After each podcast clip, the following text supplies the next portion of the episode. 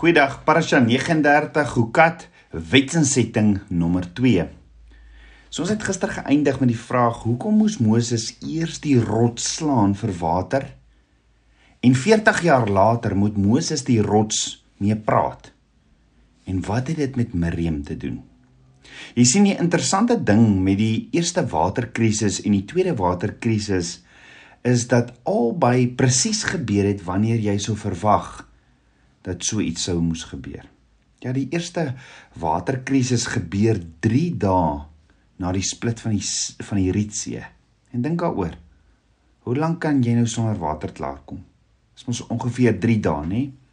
Elke keer as die water in hulle kanne opgeraak het, opgeraak het en die mense regtig dors begin word het, het hulle begin kla soos wat hulle getrek het.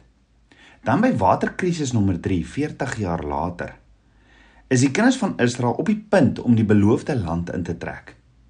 Hoor gehou vir 40 jaar in die woestyn het hulle hulle water by die plek genoemd Miriam se put gekry. Dit is die rot wat by uh, dit is die rots wat by by waterkrisis nommer 2 geslaan moes word vir water en wat nooit opgehou het om water te voorsien nie. Was dit hulle draagbare waterbron vir 40 jaar? Wel as dit was, wanneer het hulle waterbron bron dan opgehou om water te voorsien? Is dit dalk toe Miriam gesterf het net voor die derde waterkrisis? Het Miriam dalk iets met die waterkrisis te doen? Ook hoekom of dink oor hoekom was daar 'n put wat genoem was die put van Miriam? Wat het Miriam met die put te doen of selfs met water? Jy sien die raaisel verdiep as ons 'n oomblik neem om te stop en te kyk hoe diep Miriam aan hierdie drie waterkrisisse actually verbind is. Soos ons gesien het, sterf Miriam net voor die derde waterkrisis. Maar kom ons kyk gou-gou na die eerste waterkrisis. Net voor die eerste waterkrisis het Miriam 'n liedjie vir haar vader by die Rietsee gesing. En net voor die derde derde waterkrisis sterf Miriam. Elke keer gebeur daar iets want by die tweede waterkrisis word die rots waarop Moses geslaan het die put van Miriam genoem. Maar wag, daar is meer. As jy Miriam se naam vat, bestaan haar naam uit 4 Hebreëse letters. As jy al die vokale wegvat soos wat daar in die Hebreëus gedoen word, dan kry jy ook verskillende ander woorde wat presies dieselfde letters met dieselfde letters gespel word. Jy kry ook bitter, of jy kry om op te lig of jy kry om te rebelleer. Dit beteken alles. Met ander woorde drie ander betekenisse met die, met dieselfde letters as Miriam se naam. Nou is dit heel toevallig dat by die eerste waterkrisis hulle nie water kon kon die water daar kon drink nie omdat die water bitter was. Dan by waterkrisis nommer 2 net voor Moses die rots slaan, praat hy eers met die kinders van Israel en vra toe vir hulle hoekom rebelleer hulle so. Dan by waterkrisis nommer 3 net voor hy die rots slaan, waarmee hy eintlik moes praat, lig hy eers sy hande op. Ek meen elke moontlike groepering van die letters van Miriam se naam verskyn in die waterkrisisse, waarvan in die eerste een Miriam sing En die laaste een waar sy sterf en die middelste een word haar rots. Haar eh, word word dit haar rots, hierdie put. Dit, dit word vernoem na. Miriam is oral in hierdie waterkrise krisisverhale. Hoekom? Daar's 'n koneksie met Miriam en water reg deur haar lewe. Onthou, Miriam se koneksie met water was ook toe sy langs die Nyl rivier gestaan het en kyk waar haar baba Boetie in 'n bessie mandjie. Ja, die Egiptenare het die babas van die kinders van Israel in die Nyl gegooi en in desperaatheid plaas die moeder van baba Moses hom in die mandjie en eintlik het Miriam Moses toe toegekyk en beskerm, is dit nie? Maar wat as Miriam nie net vir Moses beskerm het nie, soos wat 'n sussie mos, eh, mos doen nie by die Nyl nie, maar verskeie ander kere ook?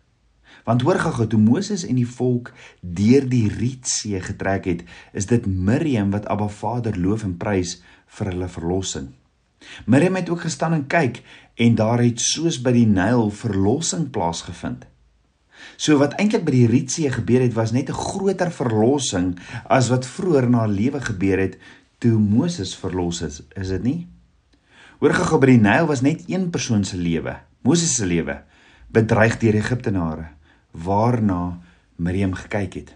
By die Rietsee was al die kinders van Israel se lewe bedreig deur Egiptenare en dit was nie net 'n Nylrivier met water nie, maar 'n hele see vol water en net soos Miriam die eerste keer daar was om toe te kyk hoe Moses gered en verlos word, sou sy ook die tweede keer kyk hoe Moses en al die kinders van Israel asook sy gered en verlos word.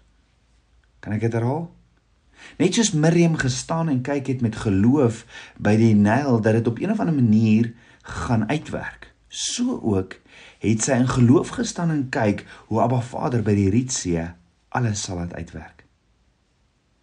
Inteendeel, as jy dink dit is alles net heel toevallig, hoor hoe toevallig is hierdie? Presies dieselfde woorde in Hebreëus word elke keer gebruik as daar gesê word staan net en kyk in al twee gevalle. In Hebreëus sê dit hitsavu ure. Anders gestel, verstaan net en kyk kan mos ook wees glo net dit gaan uitwerk. Dalk kan ek voorstel dalk was daar iets in Miriam se geloof wat dinge laat gebeur het. Hoor wat sê Yeshua oor geloof in Markus 11 vers 22 tot 24. Yeshua sê: "Julle moet geloof in God hê, want voorwaar ek sê vir julle dat elkeen wat vir hierdie berg sê, hef jou op en werp jou in die see en nie in sy hart twyfel nie, maar glo dat wat hy sê sal gebeur. Hy sal verkry net wat hy sê. Daarom sê ek vir julle alles wat julle in die gebed vra, glo dat julle dit sal ontvang en julle sal dit verkry. Kan ek dit herhaal? Jesus sê alles wat julle in die gebed vra, glo dat julle dit sal ontvang en julle sal dit verkry. My voorstel is dat Miriam se geloof was soos die van 'n mosterdsaad. Yeshua sê ook in Markus, ag in Matteus 17 vers 20, "Voorwaar ek sê vir julle, as julle geloof het soos 'n mosterdsaad, sal julle vir hierdie berg sê, gaan weg hiervandaan daarna toe en hy sal weggaan en niks sal vir julle onmoontlik wees nie." En dalk het Miriam se geloof ander laat reageer. Dit maak vir my sin. Hoekom sy uit volle bors van haar Vader se loof en prys aan die ander kant van die Rietsee. Ek wil ook voorstel sy was eyster as dit kom by intersessie. Nou wat is intersessie? Intersessie is nie net 'n gebed nie. Nee, intersessie is 'n aksie. Dis 'n aktiwiteit maar maar hoor gou-gou, al is intersessie nie net 'n gebed nie, kan jy 'n gebed bid van intersessie soos Miriam.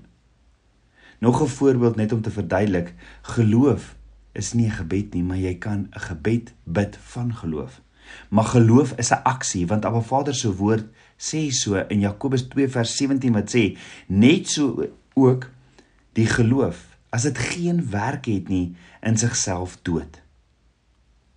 Net so is intersessie nie net 'n gebed nie want intersessie is ook 'n aksie. So wat is intersessie? Die woord intersessie in die Ou Testament is 'n Hebreëse woord paga. Paga kom in die Ou Testament 46 keer voor.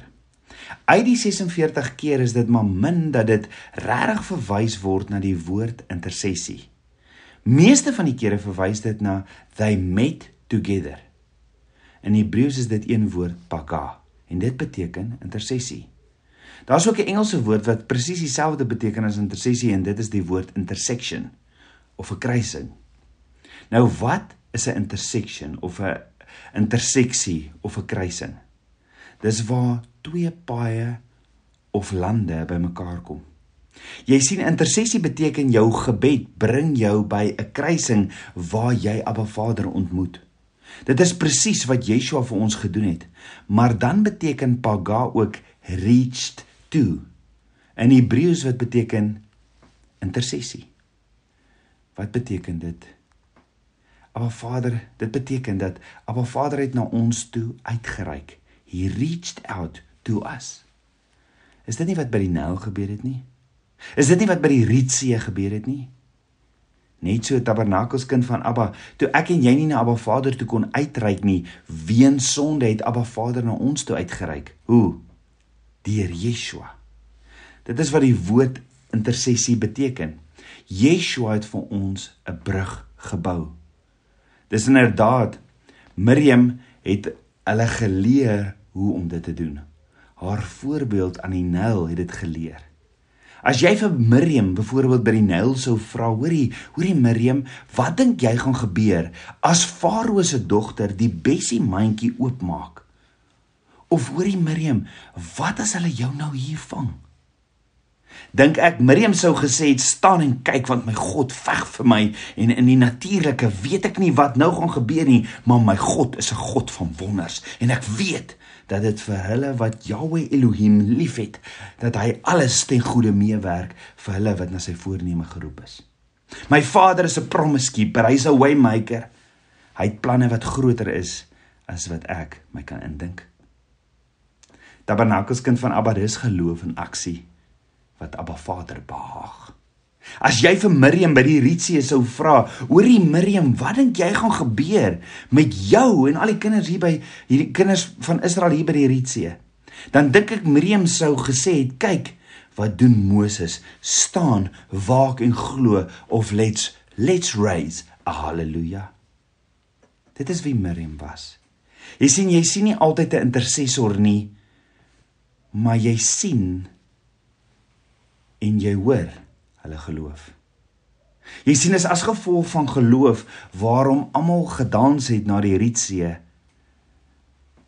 toe almal deur is in die Egiptenare toegegooi is met die water. Ek glo Miriam se geloof, Miriam se intersessie het ander laat beweeg, het oorgegaan in aksie waar hulle nie gedink het hulle kan beweeg nie. Was dit nie dalk Miriam se geloof wat gemaak het dat hulle put na haar vernoem het nie? Sy is dalk die een wat gesê het: "Kyk, wat doen my God? Hy werk alles ten goeie uit vir die wat hom liefhet." Onthou wat sê Moses vir Abba Vader by waterkrisis nommer 2. Moses was so bang, hy sê vir Abba Vader: "Vader, hulle is so desperaat vir water dat hulle my gaan doodmaak. Hulle gaan my lewendig stenig." En die vraag is, was dit nie dalk Miriam se geloof en intersessie hier wat veroorsaak het dat hulle put na haar vernoem het nie? Tabernakelskind van Abba, kan ek jou vra, het jou geloof, het jou intersessie al oorgegaan in aksie? Het jy die geloof van 'n mosterdsaad om op Abba Vader se woord te reageer? Maak nie saak hoe omstandighede om jou lyk nie. Of dalk vra jy maar, maar hoe kry ek hierdie geloof?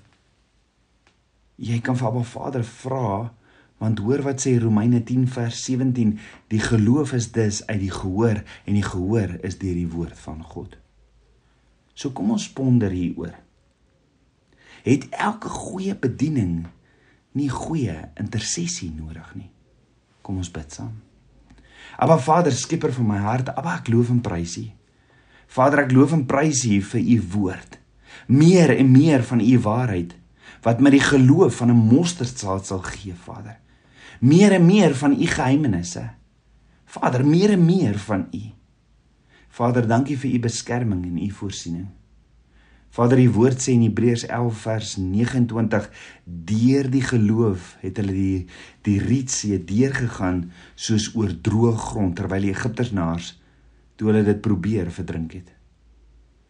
Vader, dankie vir 'n Rietsee wat nou oopgaan in Yeshua se naam en my boetie en sussie wat hierna luister in Yeshua se in Yeshua se naam. Ek vertrou U met my hele hart, Vader.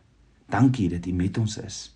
Dankie vir die see wat oopgaan vir ons. Dankie dat U voorsien. Dankie vir vir lewende water. Ek bid dit alles in Yeshua, Hamasiach se naam, die seun van Jahweh. Amen. Shalom.